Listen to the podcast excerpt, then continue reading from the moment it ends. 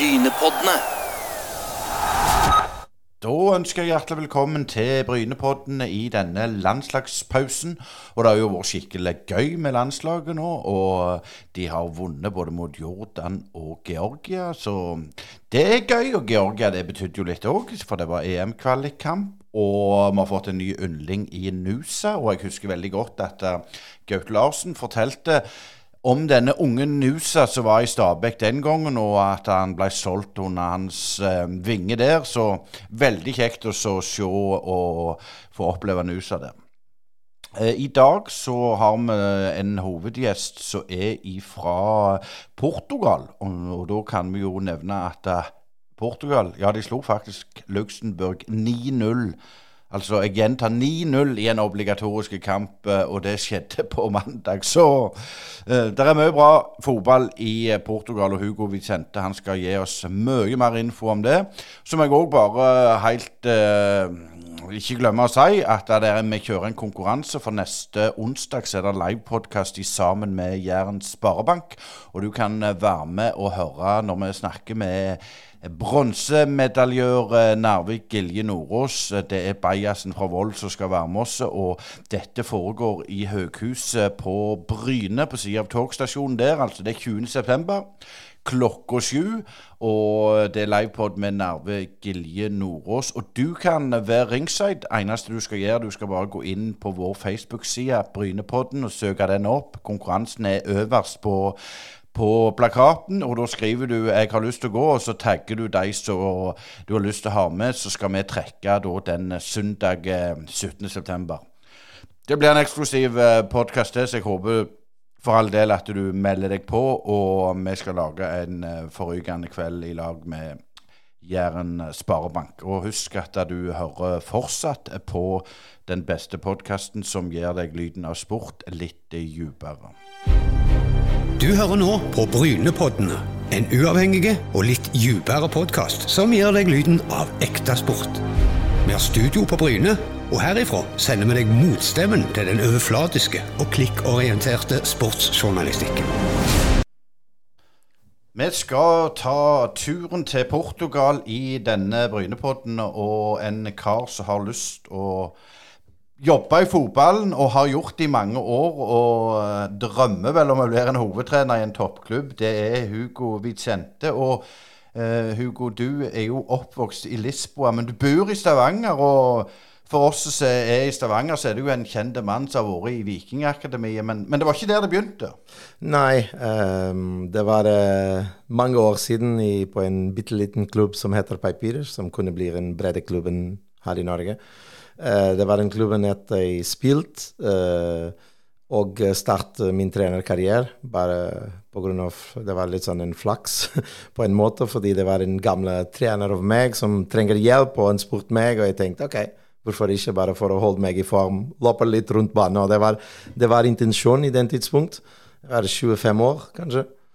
Og og da jeg startet, Han må gire seg pga. Uh, personalproblemer, og jeg startet å trene, og ting starta å fungere, faktisk. Og jeg markerte at uh, jeg faktisk hadde litt talent på det, men mer at jeg brenner. Jeg var veldig fornøyd med det. Og går jeg fram og tilbake på jobb, og jeg bare tenkte på trening. Så jeg var på den klubben rundt ti år. Har trent all aldersgruppe, og mine siste tre år det var på A-lag til klubben, som er, kanskje skulle bli en tredje divisjon her. Men, men, du jobbet utenom, sier du? Ja, ja. Det var en litt sånn en deltids uh, Så jeg bare startet å bli fulltid når uh, etterpå jeg blir, uh, jeg blir hentet til Benfica. Men, men du var ikke spilleren Hugo Vicente? Den, det er ikke så mye å si om den? Nei, jeg hadde to venstrefot da. nei, nei, jeg var um, Jeg spilte litt sånn når jeg var yngre. Jeg faktisk uh, lykkes med, med U14 å bli selektert til Sporting Lisboa Akademi. Men jeg var ikke god nok. Jeg var stor. Så jeg hadde en eh, Jeg var eh, stor, ikke stor, høyt. Mm. var rask, believe it or not, men ikke lenger. Men ja, etter to måneder det faktisk sa til meg at kravene er her. Jeg startet litt lav, jeg startet på bunn, så kanskje det var viktig å, å finne noen innimellom og se hvis jeg klarer å ta det neste steg. Og det gjorde jeg. Jeg flyttet til min region. Jeg spilte på en klubb som heter Amora, som er nå i nivå tre i Portugal, som det var den gamle førstenivåklubb. Og etter det var jeg til Papyrus, hvor jeg traff masse venner, og jeg var veldig fornøyd med fotball og fortsatte å spille der. Min karriere, på en måte. Men når jeg var rundt 24, jeg startet å motstå og jobbe. Så jeg startet å jobbe med night shifts. Jeg jobber på en printer, litt sånn web uh, graphic designer. Og da jeg hadde ikke sjanse å trene regelmessig og bare tenke at det var på tide for å slutte. Men, men, jeg tenker det når du på en måte får beskjed i, i, i akademiet at du ikke er god nok som 14-åring, er det vanlig i Portugal? Det høres jo ganske brutalt ut? Det er brutalt, og det er en del av den kultur, kulturelle forskjelligheten jeg traff når jeg flyttet til Norge, med en forventning av hva min, min uh, erfaring i livet i Portugal. Og kommer du til Norge, og det er ikke sånn. Og uh, det var brutalt, men på en annen måte, du vet at det er sånn i Portugal. Det er litt sånn, ok, det, du, du, må bare akseptere at du er ikke god nok, og du må jobbe din vei opp til der igjen. Jeg klarte ikke, og kanskje det har gjort meg helt sikkert, og når jeg startet å trene jeg hadde en idé alltid at jeg var så dedikert. Jeg var ikke en talent, men jeg var så dedikert at jeg tenkte hvis jeg hadde en god trener, jeg kunne bli litt bedre. Kanskje aldri i topp, topp nivå, men det var kanskje en grunn at jeg var lyst til å bli trener og fortsette å bli en ting at jeg elsker det, og hjelper andre å lykkes. Fordi jeg føler at folk trenger litt hjelp. Det er folk som tar ting med en gang, og det er andre som trenger a push in the back or a kick in the ass, som de sier. Mm. Men, men, du, vi skal gå gjennom den CV-en, for du, du, har jo vært i, i, mange klubber. Men sånn som i dag i Portugal, er det mange som på en måte eh, Hvis de ikke klarer cutten når de er 15-16-17, slutter de med fotball? Eller, eller fortsetter de? Nei, det er ikke vanlig. Det, det fortsetter å spille på lavere nivå. Og det er mange som spiller i kanskje nivå 5, og det fortsetter å, å håpe at det skal skje. Og du ser at Mateus Nunes er en eksempel akkurat nå. At det er sånn i Portugal. og hvis du er sjokkert at jeg fikk nei når jeg var 14 uh, I Portugal vi selekterer siden det er åtte. Mm. Så det er mange som blir hentet på akademi med åtteåringer, og når det er ni, det er ut. Og sånn er det. For oss det er enkelt, hvis vi tar den i perspektiv her i Rogaland, kunne bli litt sånn OK, du kommer som en trial Eh, med tolvåringer til Vikingakademi. Lykkes du ikke, du skal til Bryne fordi det er det neste beste der. Og da, hvis du ikke lykkes, du går til Sandnes. Og hvis du ikke lykkes, kanskje du prøver Egersund. Kanskje. Og det er sånn det funker i Portugal. Jeg vet at her er avstanden mye større. ting, og det er helt annen kontekst kulturellmessig, men, men, det er sånn, og for oss er det helt vanlig. Derfor det er litt sjokkerende når du kommer hit som en trener. og og det er helt annerledes. Ja, for i Portugal så er dette så vanlig at det blir liksom ja. ikke stilt spørsmål med ja, en gang. Akkurat. Du har ikke tenkt på det i det hele tatt. Og vi føler at uh, idrett har den uh, mål at du you fight. Og det, ok, Hvis du er ikke god nok, du er ikke god nok. Du, du, når du prøver å få en jobb Det er ikke alle som selekterer. Det skal velge mellom din CV, din kompetanse. Og sånn er det. Det er en forberedelse til liv. Så for oss det er helt vanlig. Eh, for din del så, så ble du ikke toppspiller, som vi sier. Men, men eh, klart det når du har vært i Benfica og vært eh, trener på, på, på, akademiet der. Og, og, det må jo være ganske bøse. Nå er vi jo tilbake til 2007 her. og Hvordan var det å komme inn i den klubben?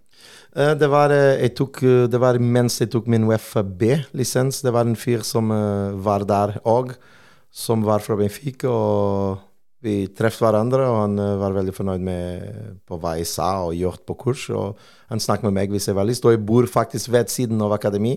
Så for meg det var gull. Sånn, er du lyst? Jeg, jeg, jeg, var en Sporting Lisbon-fan, så det var litt vondt å ta den drakta først. Men etter hvert du, du starter å like klubben òg, og, det var, det var veldig fint. Det var veldig fint, faktisk. Men når du kommer fra en breddeklubb inn, inn, i et lokomotiv som Benfica er, hva, hva var det som møtte det? Hva var det du ble overraska over? Nei, det er, det er, litt sånn Først, det er viktig å, å, Min kontekst når jeg kommer inn, det var på dem som uh, Når du jobber med mellom seks år til eh, tolvåringer. Uh, så i, i, min periode det var spillere som Bernardo Silva der. det var så, så de start der, og Jota, som er nå i Arabia, men som var i Celtic. Det. Så det var mange spillere som var en del av den. Så det, hva var annerledes er faktisk kvalitet av spillerne, de som er selektert. Fordi da du har i Portugal du kan ha, og det er den ting som er vanskelig å forstå hvorfor vi ikke gjør det i Norge. Ikke mener at vi skal, ikke misforstå meg, men min kulturelle at ok, du har en gruppe av 200 spillere, og du velger 12 best og den tolv neste best, og den tolv neste best, og sånn og sånn. Og det var det. Så de som var gode, det var ekstremt god. Og grunnen til at jeg snakker om Jota akkurat nå, og Tiago Dantas Jeg tror han er i AZ Alkmaar nå. Han var solgt til Bayern Munich et par år siden. Han er bitte liten, men veldig god spiller. Disse slags spillere var mye bedre enn alle andre. og Det er en ting at, uh, at jeg, jeg følte liksom, Dem som er gode på den aldersgruppen, hvis ingenting skjer dårlig i sitt liv, det blir alltid god, på en måte. Mm. Så, og det var, var, var annerledes. Selvfølgelig, du går inn i akademi til Benfica, det var en helt annen verden. og det, det, var, det var en annen ting. Og jeg hadde flaks etter min mål, min, min, jobb i Benfica etterpå, det var å, å bli en international uh, tel, uh, trener. Nesten som jeg skulle gå i utlandet og lære andre klubben som var lyst, og hvordan vi trener i Benfica. Mm. Så den filosofi, hvordan vi trener og sånn, det var min oppgave. Og det var, det var ekstremt interessant. Eh, du må jo ha gjort en del riktige ting i Benfica, for, for eh, du, du, reiser til, til, Braga, og eh, det er vel mest sagt en enda større klubb? Ja, det er litt sånn Braga er ikke, større. Akkurat nå det blir mer og mer den, kanskje den fjerde sterkeste klubben i Portugal. men det var den klubben som hadde alltid sitt A-lag i, i, Europa og, og sånn. Men i min tid, når jeg var hentet, utviklingsnivå, denne utviklingsavdelingen var ikke så god. Og så de var lyst til å optimisere. Det var Louise Martinsen som var assistent i Tottenham til uh, Villas Boas, som hentet meg. For å revamp på en måte den akademi, og gjøre alt vi ikke gjør i Norge. Starte med selektering, scouting, this og dette, og, og, og introdusere en treningskultur der. Og min jobb var faktisk å være ansvarlig av måte vi spiller, måte vi trener og selekteringsspiller, og sendspiller hjemme Og. Så, så, det var også den brutale siden jeg opplevde. Nå er jeg på andre siden og sier til spillerne at beklager, men du er ikke god nok for å bli her. Så det er litt brutalt, men det var kanskje den beste Jeg så uh, åtte uh, live games per helg. Med, så, så du lær, jeg lærte mye på å, å, bli utenfor med en Zoom, men i tillegg å bli ansvarlig av hva trener gjør på feltet. Så det var veldig interessant. Men, men eh, når du ser disse guttene, de, de mislykkes, og du ser skuffelsen i øynene, tar du med deg den lærdom du hadde sjøl der?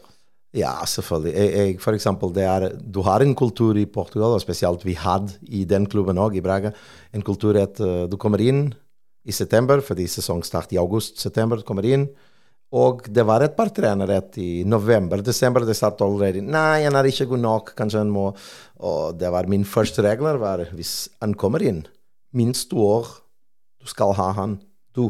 Men selvfølgelig, vi skulle vurdere Han skulle ikke komme inn uten min OK òg. Fordi det kan ikke bare bli en beslutning av en trener at du går inn og går ut. fordi det, det kan bli brutalt på en barn. Men av og til jeg tror av og til folk ikke skjønner at Av og til det kan bli en måte at du faktisk kanskje ikke tok så seriøst hva du gjort. Og når du får den beskjed, kanskje du går på en annen sted. Og du går alle veien, og det har skjedd. Vi har mange eksempler av spillere som ikke lykkes på en sted. Og Rasmus Høylund er nå en klar situasjon i København, at uh, København ikke beholdt han. Og nå er United, og nå det er masse greier i nyheter. at Var det en feil beslutning? Kanskje i den tidspunkt var det en riktig beslutning. Kanskje. Mm. Men han tok den veien og visste nei, nei, nei. Jeg er god. Jeg er her. Og nå han, han lykkes. Så, så det, er, det, er, ikke bare en vei for å lykkes, tenker jeg. Men jeg tenker litt dette med utdannelse av disse unge. Er det skolegang? Vi hadde jo Tore André Flo, og han fortalte jo om hvordan det var i akademi i Chelsea. Og, og det satses jo grassat med penger. Mm -hmm. Hvordan er det i Portugal? Der får de en opplæring utenom eh, sporten? Ja, det, alle akademier er eh, Derfor det heter akademi. Eh, de, de har en partnership med en privat skole. Og alle spillerne går på skolen sammen. Kommer på trening sammen.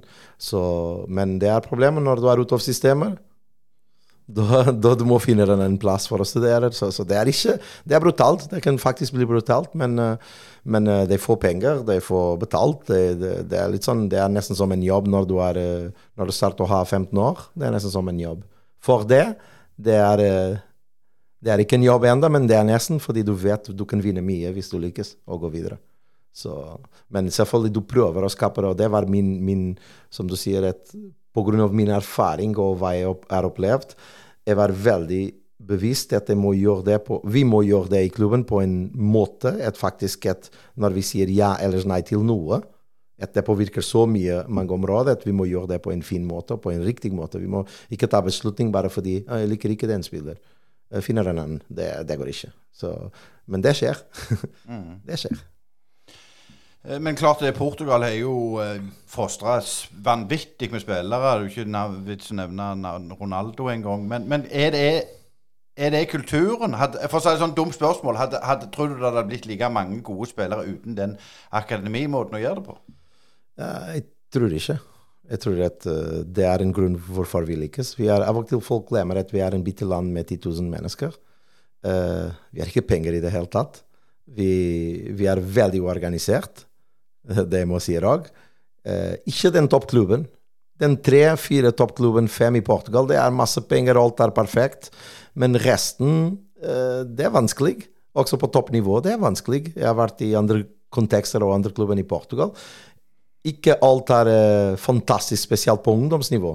Lavere du går, mye mer amatør det blir, men kravene er helt på topp. Alltid. Uansett hvilken klubben du går. Og det var forskjellig i Portugal. er at Hvis du har en klubb her i nærheten som er en bredere klubb, eh, den klubben ønsker å bli bedre enn Bryne. Ferdig. Og de skal selektere, de skal jobbe med kvalitet, de skal hente trener. Det er ikke en sosial klubben. Fordi sosialt det er andre aktiviteter de kan gjøre. Det er hvordan vi tenker.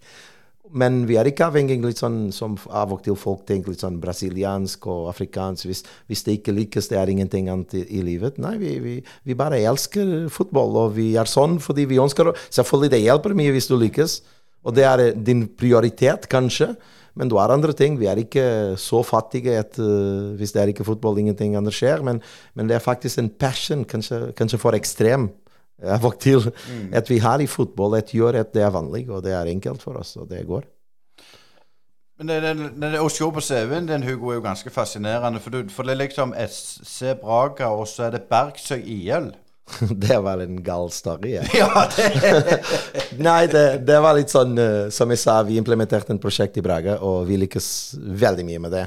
Vi hadde nesten ingen spillere i nasjonal eh, landslag på ungdomsnivå. Vi startet ha.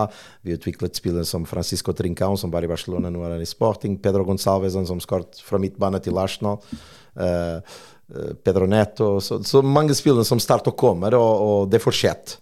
Og på min siste år vi var også uh, champions. Uh, vi vant mester med U19, og det er umulig hvis du er ikke Sporting Porto Benfica.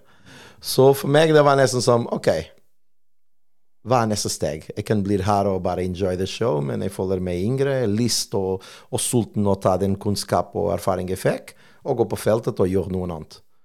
Og jeg alltid elsket Skandinavia. Siden gamle dager jeg elsket Sverige. Og jeg havner i Norge med litt sånn accident, men jeg elsket Sverige, IFK Göteborg og den landslaget av Sverige. Var veldig på i Skandinavia, uansett hvis det var Danmark, Norge, og, men Sverige spesielt. Og da, i gamle internett, jeg var på Google Translate og så for fotballtrenere, og havner i trenerforening i Norge. På en uh, Bergsøy, var etter en trener. Jeg bare sendte en CV. Det var i tredje divisjon, og uh, som betyr fourth tier, tier i, i Norge. Så. Men ja, jeg bare sendte CV bare litt sånn OK. Bare for å, for å sjekke hva, hva det betyr. Hva, hva har lån? Hva, hva de vil? Hvordan ting fungerer. Ja, bare send CV for å se hvilken svar jeg får. Og det ringte meg dagen etterpå. To dager etterpå var jeg i Norge. Hadde en intervju, og før jeg dro, de bare sier OK, hva trenger du for å bli her? Så vi snakket om uh, values og sånn, og da OK, når kan du starte? Og måneden etterpå jeg kommer med den ideen, og det er hvor vi går på den kulturelle forskjellig. Jeg kommer med en idé, sånn OK, jeg skal bli A-lagstrener, for det er en ting jeg, jeg, jeg har lyst. Men jeg skal bli sportssjef i klubben, og det betyr ellers uh, sportslig leder. Og ideen var at jeg var ansvarlig å volde lag. Sånn at, og min idé var jeg skal skape min mini-Barcelona her. Alle lag som er min spillestil, ting jeg har tro, tro på, this og that. Og da du kommer med masse ideer, men du kommer på en klubb som vi aldri snakket at det var en sosial klubb. Vi aldri, fordi det er ting at i Norge you take it for granted. Yes, ja. Og i Portugal jeg tok min idé for granted. Så jeg kommer hit og sånn, startet å komme i klubben. Det var foreldretrener. Ingen selektering på en plass som har 3000 mennesker, så du kan ikke gjøre så mye mer. Og da du tenker ah, Hva har jeg gjort, herregud? Det var dumt. Og, du kommer, og alle mine venner du kommer fra en toppklubben i verden, og du kommer til fjerde divisjon, fjerde nivå i Norge. Er du gal? Jeg tenkte ja, det blir en life experience, og min kone var gravid. Jeg fikk min barn i Norge. Og etter det jeg, jeg står bor her og jeg fortsatt, og etter hvert da jeg reiste litt til, det er en ting som sånn, var i Kina innimellom, så òg, så ja. Så det var det. Så det var interessant, og for meg det var en fantastisk inngang til norsk kultur. Og jeg syns akkurat nå uh, det, det, er ekstremt Nå jeg skjønner det at hvis du henter en trener hvor som helst for å komme hit og presterer, det er veldig vanskelig at han lykkes med en gang. Fordi den kulturelle forskjellen er veldig stor. Ikke bare stor, veldig stor. Og da jeg markerer det, siden jeg hadde en opplæring i, i, for tre år Det har gjort meg å første år å bli mot alt. Andre år å forstå at det er ikke så dårlig, den måten å tenke. Og siste år liksom OK. How can I do the best I can, where I am, with what I have? Og det starter å bli måte i tenkt. Og det er faktisk Det var en læringsprosess. Ikke mener at jeg er enig med alt i det hele tatt. Men jeg syns at faktisk ikke alt er uh, dårlig, og ikke alt er uh, fantastisk. Så, så, du får litt av alt. Men, men, hva sa klubben og spillerne? For det er jo en grassat uh, kulturkrasj her. hva mener du? Om? Altså, du, De spillerne du trente, klarte de på en måte å Fikk dere en kjemi til slutt? Ja, ja, det var en fantastisk opplevelse. Det var deilig. Problemet er at faktisk jeg, jeg, jeg prøvde første år, selv vet det var litt sånn Uff, det er ikke, vi, vi, vi gjorde en god jobb. Jeg syns klubben utviklet seg veldig mye mens jeg var der. Ikke tror, jeg vet, og vi fikk tilbakemelding om det. Men problemet er at jeg kommet for en professional nivå. Jeg vil ha mer. Og det var grunnen at jeg flytta. Det var ikke for å ha en bedre liv. Var, jeg hadde en god liv i Portugal. Jeg hadde en god lån i Braga. Sånn. Så jeg var kommet for den adventure på en måte, men en idé å blir på en annen kontekst, utfordrer meg, og kanskje komme på topp i en annen land som teoretisk er svakere enn Portugal. Så det var nesten som en idé jeg hadde. Så OK, jeg kan gå gjennom Portugal, eller jeg kan had til min experience en litt sånn annen kultur. Mm. At jeg liker annen land. Det blir en ekst ekstraordinær erfaring for meg, og kommer på topp den veien. Og hvis innimellom kommer en annen tilbud på annet sted, jeg skal gjøre det. Fordi min mål er å bli profesjonell trener. Det var det. Var det. Så, så, når etter tre sesonger i Berg, så du faktisk markert at ok, det er en bred klubb, og det skal bli en bred klubb alltid, så det blir dumt at du pushet gjøre, fordi hver gang du prøver å gjøre noe annet, da du får Sunnmørsposten over deg og sier 'nei, det er feil, det henter utlandet, det gjør det, det gjør det og gjør det', og ting som var helt vanlig for meg at den klubben gjort. Så, så når jeg følte at jeg Nei, jeg kan ikke pushe it mer, fordi det, det, er ikke det. Det er ikke mål på den klubben. Det, vi er i forskjellig uh, retning. Så da, det, det var når jeg tok uh, jeg trodde når jeg gikk til Follo etterpå, fordi jeg traff folk når jeg tok UFA som inviterte meg, jeg trodde at jeg skulle ta en steg fremover òg, og det var det. Men i tillegg, får det være helt uh, kaos, fordi det var etter den problemet jeg hadde med gamefixing og sånn. Så, mm, ja. så det var i rebuilding, så jeg følte at det var ikke i det hele tatt. Men, men, det liksom, i denne perioden her så har du jo på en måte bestemt deg. Du vil bli manager, og du tar uh, Uefa-utdannelsen er det Jeg holdt på å si, for å bruke en sånn bibelsk terminologi Kom ikke tvilen i deg når du var der? Nei, det, når jeg flyttet til Norge, det var med en idé. Jeg ønsker å bli hovedtrener. Ferdig. Derfor jeg flyttet. Men selvfølgelig når du kommer på den konteksten, da du tenker uh, herregud, kanskje nå jeg tok mange steg tilbake i den prosessen. Det var kanskje veiting, fordi du er faktisk på en kontekst som var helt amatør. Så vet det var et par spill som var betalt, og, men men helt ærlig, ellers elsker den perioden. Hadde du gjort det om igjen, hvis du kunne velge, tror du? Uh, ja Tja. Det er litt sånn På en side jeg, jeg er veldig litt sånn utviklingsorientert, og jeg syns det kunne bli en fantastisk utfordring å ta inn klubben igjen. Og med erfaring at du får nå, at du skulle ikke gjøre samme feil. Ja, kjør på. Men i tillegg, jeg er 46. Jeg ønsker å komme på toppnivå så raskt som mulig, fordi Jeg ønsker å oppleve og se hvor langt kan jeg komme. Og da etterpå, kan, etter et par år der, jeg kan tenke OK, skal jeg gå tilbake og utvikle en klubb? Skal jeg bli sportssjef? Skal jeg bli sportsdirektør? Men akkurat nå har jeg lyst til å bli hovedtrener, og jeg er ikke tålmodig. Jeg må si det. Jeg er ikke så lyst til å bli på en klubb som er ikke profesjonell et ting, at du må gå etter ting. Selv at jeg vet at du går på profesjonalklubben, og ting ikke fungerer òg, og det skjer nesten i alle steder. Ja, ja. Ting er ikke perfekt, du vet det, men lavere du går, dårligere det blir. Mm. Det men klart, etter Follo-tida så ble jo litt så der pga. de problemene som var, så var det jo litt tilbake eh, til Portugal igjen. Ja, det var um, etter Follo. Da nei, ble det til Kina. Faktisk, det var Benfica, men det var på en prosjekt i Kina. Mm -hmm. uh, som var interessant kulturellmessig òg. Uh, men det var bare et par måneder. Så, så etter det, da jeg tenkte jeg skulle gå tilbake eller fortsette i Kina. Det var, uh, men jeg hadde en mulighet å komme til Viking. Og da i den tidspunktet jeg tenkte OK, jeg har lært språk. Jeg liker å bo i Norge.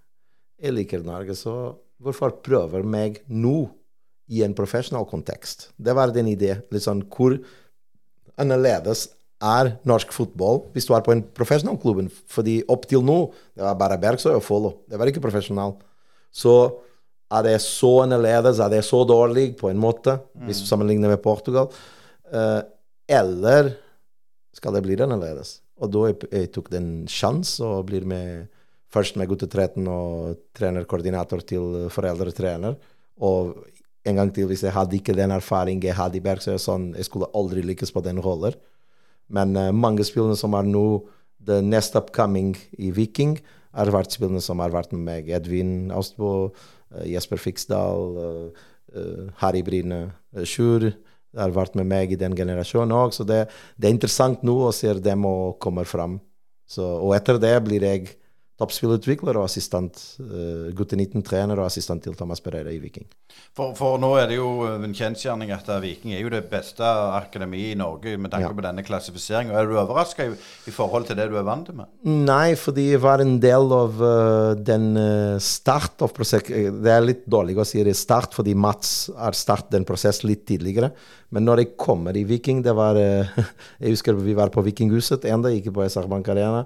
Og det var eh, kun meg, Mats, eh, Espen, Gaute og Thomas, Thomas Pereira som var en del av uh, det. Så mye av alt var bygd opp av oss, og da kommer Jonny Miquel, og da kommer, kommer mer folk, og da du ser et hvor mye vikinger utvikler seg. Så nå når jeg går og besøker, fordi jeg gjør det ofte, det er ekstremt interessant å se at uh, du ikke ser en trener helt alene med en 'counting the balls' etter trening, og det skjedde med oss nesten. Mm. Så, så, det er litt sånn, det er mye forskjellig. Og når du ser at den avstanden mellom uh, en toppklubben i Portugal eller Viking, det starter å bli mindre.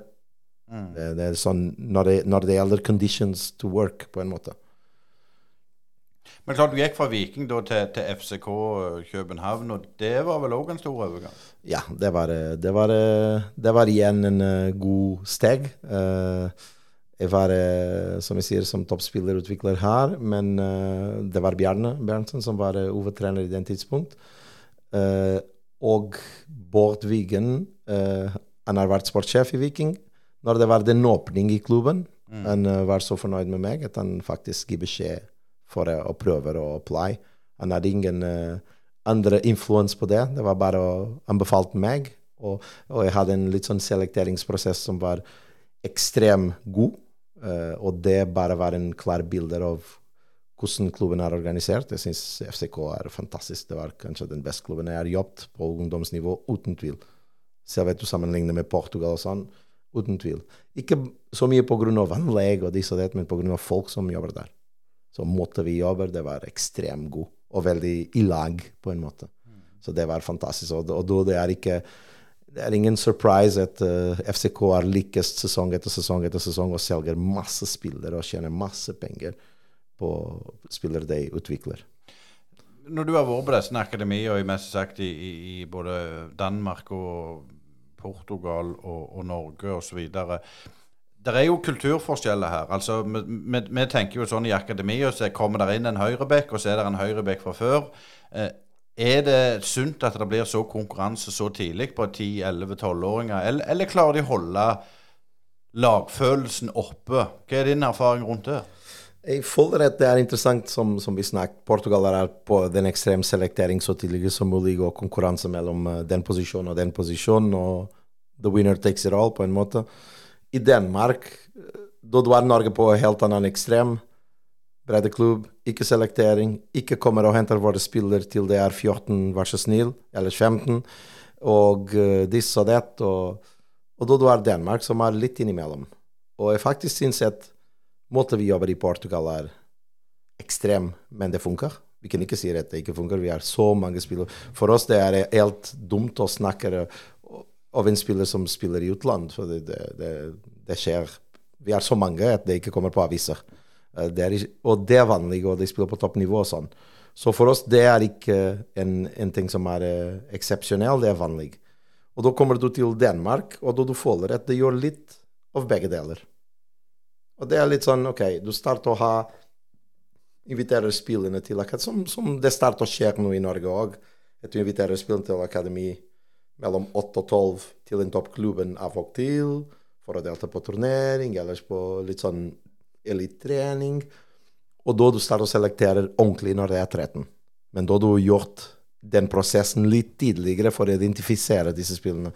Men jeg syns at uh, i Danmark uh, OK, jeg var på en kontekst som er FCK, så, så, det er den beste kontekst der. Men du faktisk skjønner at du var på kamp. Jeg syns det er størst problem i Norge. er faktisk Det handler ikke så mye om selektering. Jeg var i Malta nå disse tre dager. Tre, I går jeg kommet fra Malta.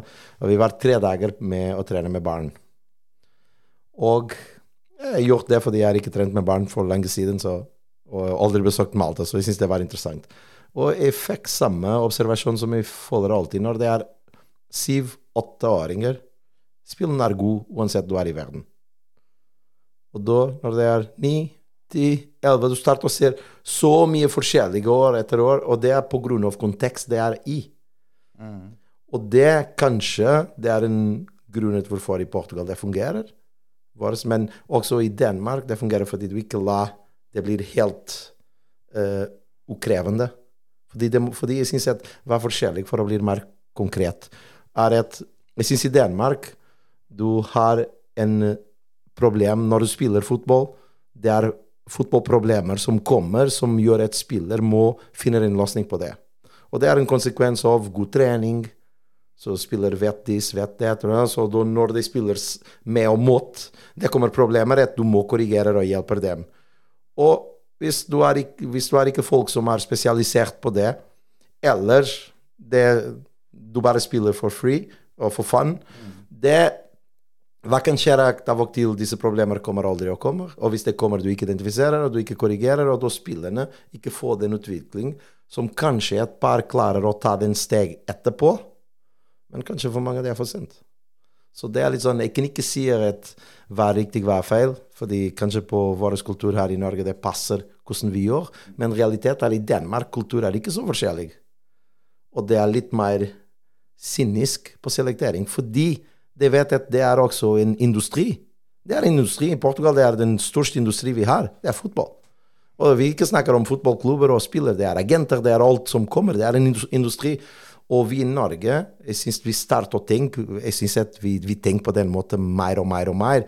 Fordi klubben starter å markere at du ikke tjener penger med sponsoren lenger. Sponsorer er mer en tilknytning med lokal, lokalet, du hjelper. Du, du ikke får penger med å selge billett på dagen. Penger kommer fra spillerne. Det er det. Du må hente, du må selge, og det, det, det er en business. Og av det du får agenter, du får disse. Så det er en system som og da du må optimisere den system mest du kan. Og du kan ikke starte å optimisere når spillene er 15, 16, 17, 18, fordi det blir for sent for mange. Vi mister mange talenter kanskje hvis vi ikke gjør det tidligere. Men tenk sånn, um, Den norske modellen så er det jo mange som snakker om late bloomers. Ja. Uh, er det det er det late bloomers i, i, i Portugal? Eller du, du, nevner jo at de ikke slutter med fotball. Det er jo veldig bra. Men, men er det noen som kommer tilbake igjen? Ja, vi, selvfølgelig. Vi har late bloomers. Selvfølgelig. Vi har masse feil beslutning av spillerne som skulle fortsette å gå ut. Selvfølgelig. Men uh, Men det er litt sånn, men det du skal gjøre det alltid, det skal skje alltid. Fordi ingen Jeg, jeg hørte, fordi jeg hører podkast ofte, men Tor André Flå sa akkurat det. det er sånn, du kan se hvem er god nå, men du har ikke peiling hvem blir god etterpå, eller ikke blir god. Hvem skal få en sjanse? Fordi av og til at du får en sjanse, er mer avgjørende på hvem du skal bli som fotballspiller, enn hvilken slags utviklings du hadde i hvilken akademi, i hvilken kontekst. Fordi i Portugal vi har en helt annen problem enn i Norge. Og det er I Norge spillerne får en sjanse når det er 16-17. Det er nesten som forventer at hvis du er god, du spiller i A-lag. I Portugal det er en forventning at hvis du er god når du er 1920-21, du starter å bli klar. Fordi kanskje nivået er for, for høyt, mm. at du klarer ikke å gjøre tidligere. Men realitet er visst til oss at av og til, hvis du er god nok, det er mange som klarer å lykkes. Og det er litt sånn, Men i Portugal vi mangler opportunity.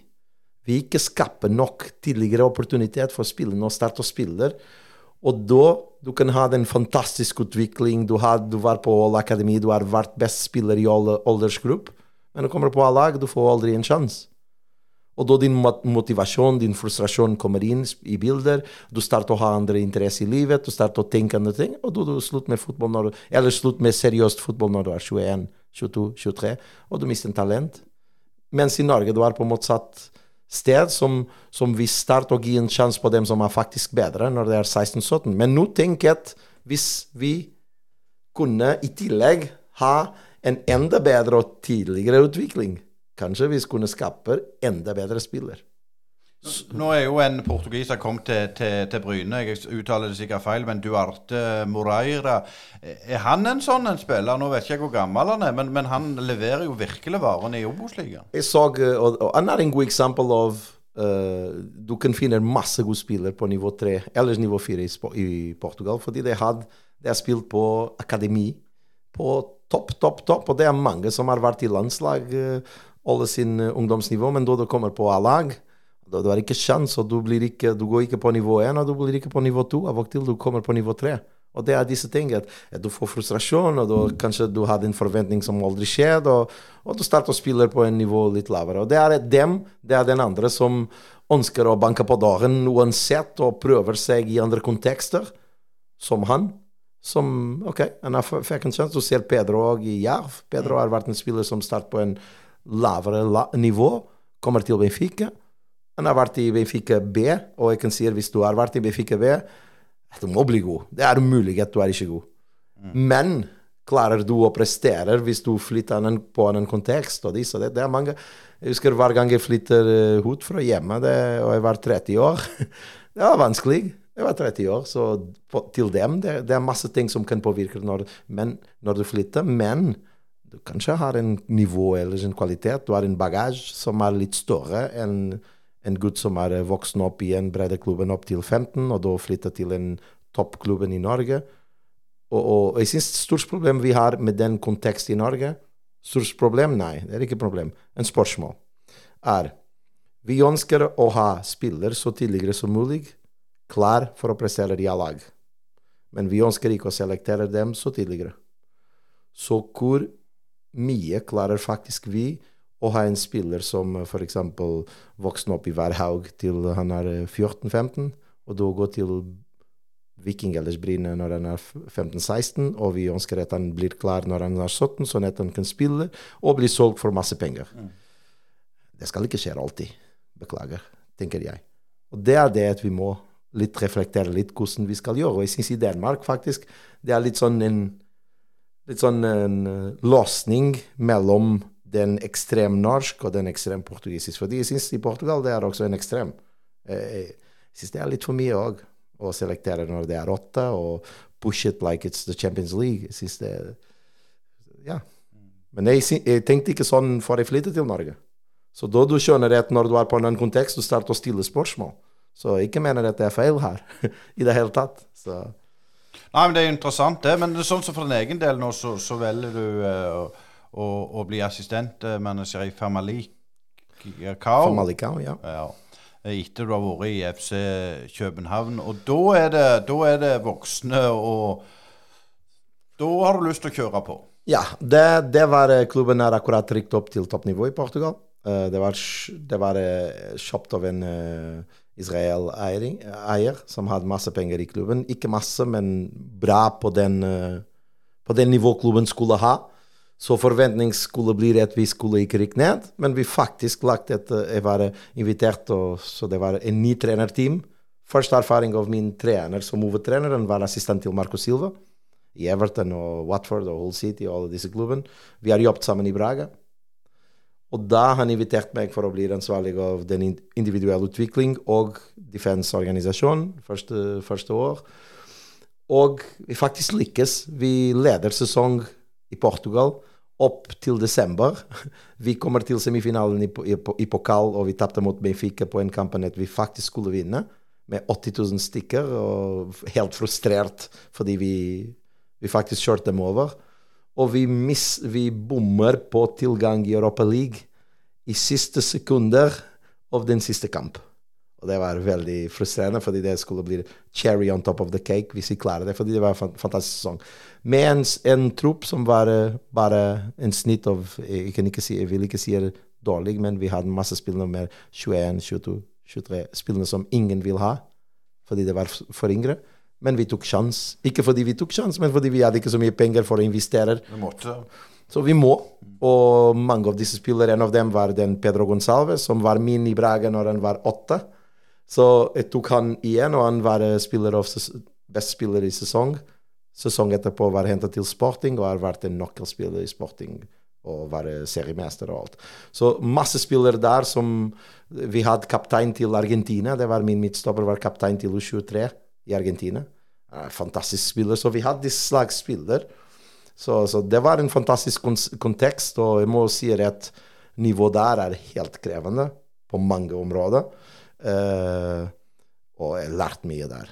Helt sånn. Jeg lærte mye der. Og etter det selvfølgelig jeg tenker ok, neste steg er å bli uh, fordi da vi flytta til uh, Boavista, vi alle som trenerteam Boavista er en stor, stor klubb i Portugal, gamle stor klubb, men det var masse problemer der. Så vi prøvde å etablere klubben litt mer på første del av tabellen. Men i midt av sesongen min sjefen fikk en tilbud fra Saudi-Arabia. Og da han og resten av trenerteamet dro. Jeg vil ikke dro til Saudi-Arabia, fordi jeg, personlig jeg, jeg ikke har lyst til å gjøre det. Jeg faktisk fikk en tilbud fire uker siden for å gå til Saudi-Arabia igjen, og jeg sier nei til det.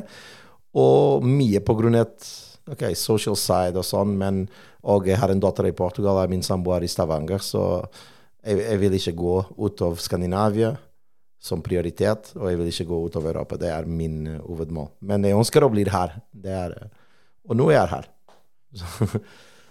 Men du har ikke gjort med Norge for det. Nei, det, det er litt sånn Etter det, det var etterpå, Når jeg kommer, kommer litt sånn til Stabæk, fordi kanskje det var den, neste, den siste del av min CV. Kommer til Stabæk fordi det var Jeg kommer i januar, så det var nesten alle trenerposts var eh, opptatt. Og fikk beskjed at uh, Erik Schjøner trengte en eh, assistent. Så, og det jeg synes OK. Det, det minst det er i Norge, det er nærmere. Så nærmere til Stavanger, så jeg, blir, jeg skal takke ja til det. Og det var fint. Men, men nå framover, liksom, Hugo Du har en CV, du har ekstreme med Hva skal man si eh, Mange elementer i, i, i ting du kan, kan bidra med.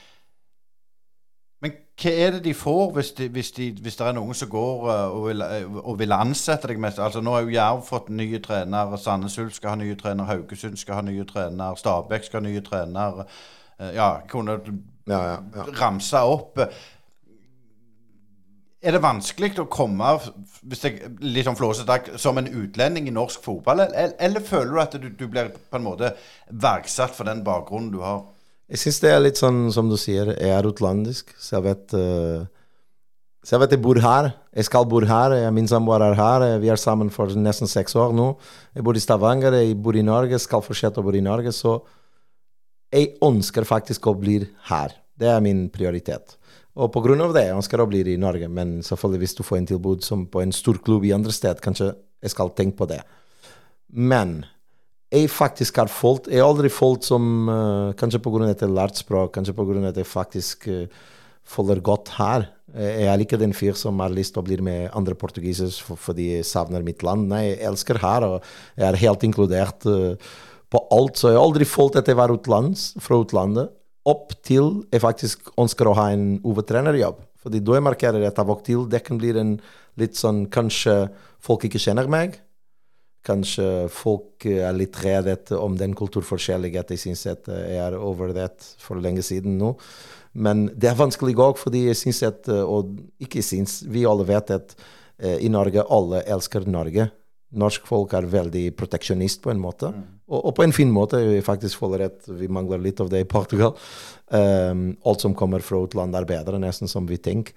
Og her jeg føler at det er litt motsatt. At uh, vi ønsker å ha innspill, men uh, vi er litt redd å ta den steg, kanskje fordi det er en safe, en trygg valg. At uh, hvis jeg henter en eks-fotballspiller som er norsk, hvis det går dårlig, da ingen skal peke finger på meg.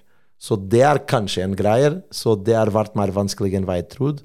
Og til også på andre nivå at faktisk jeg har ikke lyst til å jobbe, men uh, av og til min navn er spilt der, og, og, du ser at du er ikke valgt, og kommer andre person som har mye mindre erfaring enn deg, uh, og, og får den jobb. Ikke mot det, fordi klubben må ha en visjon, en identitet. Så, så, så jeg føler at den delen blir utlandisk kan bli en, en, ting. Kan bli det. Jeg håper jeg ikke, fordi jeg er helt, jeg er helt adaptert i Norge. Uh, den andre er faktisk at du fortsetter å ha den, uh, den slags Hvis du var en uh, eks-toppfotballspiller med stor erfaring som spiller og sånn, du får en prioritet på en måte. Og jeg syns det er fint. Jeg, for eksempel hvis jeg sammenligner meg med Tore Andreflå, som er en spiller etter jeg, jeg elsket han når han spilte, fordi jeg fulgte alltid skandinavisk fotball, derfor jeg havner her. Sånn, Selvfølgelig, at du vet, og, og også med Lars i, i Boinen i Stabæk. sånn, jeg vet at disse trenerne, når de var spiller, de fikk et, de opplevde ting at de aldri opplevd som spiller. Jeg vet det. Men det betyr ikke at alle skal bli fantastisk trener pga. det. Men det også betyr at alle som ikke var spiller og er veldig engasjert og veldig dedikert, skal bli god trener. Så, så det er alltid litt sånn en, en risk uansett men, men, du er jo Uefa Pro-lisens og det høyeste i, i, Uefa, ingen tvil om det. Men jeg har lyst, når du er inne på det, sånn som i Portugal I Norge så har du jo tidligere spillere, og så har du de kalde akademikerne. Ja, ja. Er det sånn i Portugal òg? Ja, er, jeg syns det er sånn i alle steder. Fordi det er, det er, akkurat derfor jeg ikke sier det som en kritikk. Og i Portugal òg, hvis det er vanlig at vi, vi har en portugisisk først, vi tenker på en portugisisk får vi ta en utland. Så, så det, jeg syns det er samme på alle kontekst. Så hva er vanskeligere å få den første jobb? Men hva jeg syns er litt uh, dumt, og det jeg må si at uh, kanskje det er, er, litt vondt her, men det er litt sånn Hva jeg sier av og til at det er litt vondt, at du ser et par muligheter uh, som kommer. at du kan faktisk ha du har erfaring, du har erfaring på toppnivå på referanserett. Det er mange som har ikke. Og jeg vet jeg er god. Jeg har kvalitet. Det er litt sånn, jeg har jobbet med masse spillere, og også her i Norge. Og jeg vet at er kvalitet. Jeg vet at spesielt nå på den kontekst av norsk fotball at du må utvikle spiller. Det er min spisskompetanse, på en måte. Jeg har, vært, eh, jeg har utviklet masse gode spillere, og jeg vet at jeg er god på det. Um, så, så, av og til det, det er litt vondt at folk ikke tar alvorlig at du faktisk kan bidra, fordi du kommer med en package som er ikke mange som er. Så jeg er 46, jeg er ikke en barn ennå. Men nå det er også den problem. Nå det er litt sånn Oh, he's young. Now, nå du starter å bli 46. Men jeg faktisk føler at av og til ting, folk tenker at nei, en aldri har vært hovedtrener, og jeg er litt redd. Jeg har vært hovedtrener all mitt liv. Ikke på seniornivå. Her på den nivået, men jeg har vært hovedtrener all mitt liv på forskjellige aldersgrupper, inkludert senior. Så jeg er, ingen, jeg er mer enn klar, men selvfølgelig det det, det, kommer. Jeg er ikke redd. Jeg vet at uh, den muligheten kommer, og jeg vet at mitt navn er i et par klubben. og jeg har sagt nei på et par tilbud, så jeg ikke kommer hit som 'Å, ingen vil ha meg'. Det er ikke det jeg, mener. Uh, jeg bare ønsker å ha en prosjekt at jeg faktisk uh, føler at jeg passer der. Vi må, må, innom helt til slutt her, Hugo. The special one. Mourinho, selvfølgelig, så er ja, alle vet hva, hva, han står for. Men jeg har lurt på det, hvordan er hans standing nå? For nå har det jo vært en del uheldige episoder. Han er blitt Jeg har liksom brukt det, det, det ordet med, med ung og gammel Elvis. Altså, Mourinho ja. jo, han har jo forandra seg. Ja. Hvordan er det portugiserne ser på han nå? Nei, det er litt sånn Det er også en, en, kanskje en, en stigma når de skal ansette en trener at det er portugiser, og folk tror at det er en idiot av det, fordi dessverre det er mange dårlige oppførelser av et par trenere fra Portugal. Jeg, ikke, jeg mener at Mourinho er en av dem, fordi det blir dårlig hvis jeg sier sånn, men eh, folk kan ha sin mening. Nei, jeg mener at eh, Mourinho faktisk Min mening, og det betyr ikke at det er riktig Uh, Jeg elsker Mourinho når han, var i Porto. Jeg syns uh, fotballen spilte var god. Første sesong i Chelsea òg. Det var kvalitet på fotball. Men han er bare opptatt av å vinne. Og det er en ting at jeg syns, og det har skjedd på et par klubber nå, at når du bare ønsker å vinne, når du tapper, hva ellers har du? Har du utviklet noen spiller? Har du hatt en entertainment? Så, så jeg mener at utvikling må, vinner kan ikke bli et mål. Det må bli en konsekvens. Så du må gjøre andre ting i tillegg hver dag med kvalitet. Fordi når du ikke vinner, og det skjer med Mourinho hvis han ikke vinner, han er kongen og vinner. Ingen kan si han He marked history of football. Men uh, når du ikke vinner, det er ingenting annet. Men du ser at eh, Guardiola, hvis han ikke vinner, ellers Klopp det er alltid noen som du sier Nei, måtte han spille fotball? Måtte det? Og disse ting som for meg som trener, og for meg som en fotballfan, det er viktig for meg. Fordi hvis Mourinho vinner, det er bare viktig hvis du er eh, en supporter av sitt eget lag. så, så, så det er litt sånn Mourinho akkurat nå har vært i Portugal. Det fortsetter å bli Mourinho, uten tvil. På, på, på feltet Mourinho er endret måte folk trener fotball. Mourinho er en hovedreferanse, og er en min referanse på, på treningsfeltet, uten tvil. Men for å spille fotball ah, Guardiola, De Zerbi spil, eh, Trenere som faktisk jeg kan ikke si et dårlig ord, så jeg skal si har faktisk eh, de, de, de, de er lyst til å spille med courage eh, og, og ha fotball, og, og ikke minst bruker den kvalitet av spill for å utvikle sin spiller. Fordi det er en ting at du spurte meg for hva kan jeg tilbyr på en klubb. Jeg syns det er det. Fordi vi må selge spiller i norsk fotball for at en klubben overlever. Men for det du må ha kvalitet på din spill, du må ha kvalitet på din trening, du må utvikle din spiller. Og det kan jeg tilby. Og nå er now I'm selling myself, men det er akkurat det, fordi jeg faktisk syns at det er måte vi må tenke. Vi kan ikke bare tenke at vi må vinne kamp. Fordi nå vi havner i situasjoner at vi forsvarer veldig lav, med linje med fem. Kanskje neste måned blir det med linje med seks, nesten alle lag. Eller med syv. Og, eh, og vi gjør det eller, Det er ingen problem å forsvare med linje med fem hvis det er siste ti minutter fordi jeg trenger å vinne den kamp. Men det må ikke bli min plan A og ingen plan B, og ingen plan C, og ingen plan D. Så, så hvis du mangler disse kvalitet, disse fleksibilitet i spill, disse, disse kvalitet i spillet, at du lar spillerne ta beslutning og in a frame eh, hvis, Ja, alt det. Så derfor jeg mener at akkurat nå, hvis du spør meg liker du Mourinho, måtte han spiller Nei. Som en trener på feltet, han var en geni. Uten tvil. Det var utrolig stas å ha deg på besøk. Nå skal jeg prøve å uttale ditt navn. Jeg syns du har litt eksotisk navn. jeg. Hugo Rodolfo dos Santos Vicente. Ja, det var god. Tusen, tusen takk for du stilte opp i, i Brynepoddene. Tusen takk for invitasjonen. Tusen takk. Det var alles ifra Brynepodden i eh, dag. Og husk, neste torsdag så er det eh, Narve Gilje Nordås som er vår hovedgjest. Og på onsdagen skal vi spille den inn, og du har mulighet å være med oss i Høghuset på Bryne eh, klokka sju 20. september. dele ut noen heldige vinnere. Gå inn på konkurransen vår, minn om den igjen. Gå inn på Facebook-sida, søk opp Brynepoddene og skriv og i kommentarfeltet der du ser bilder av eh, Gilje Nordås.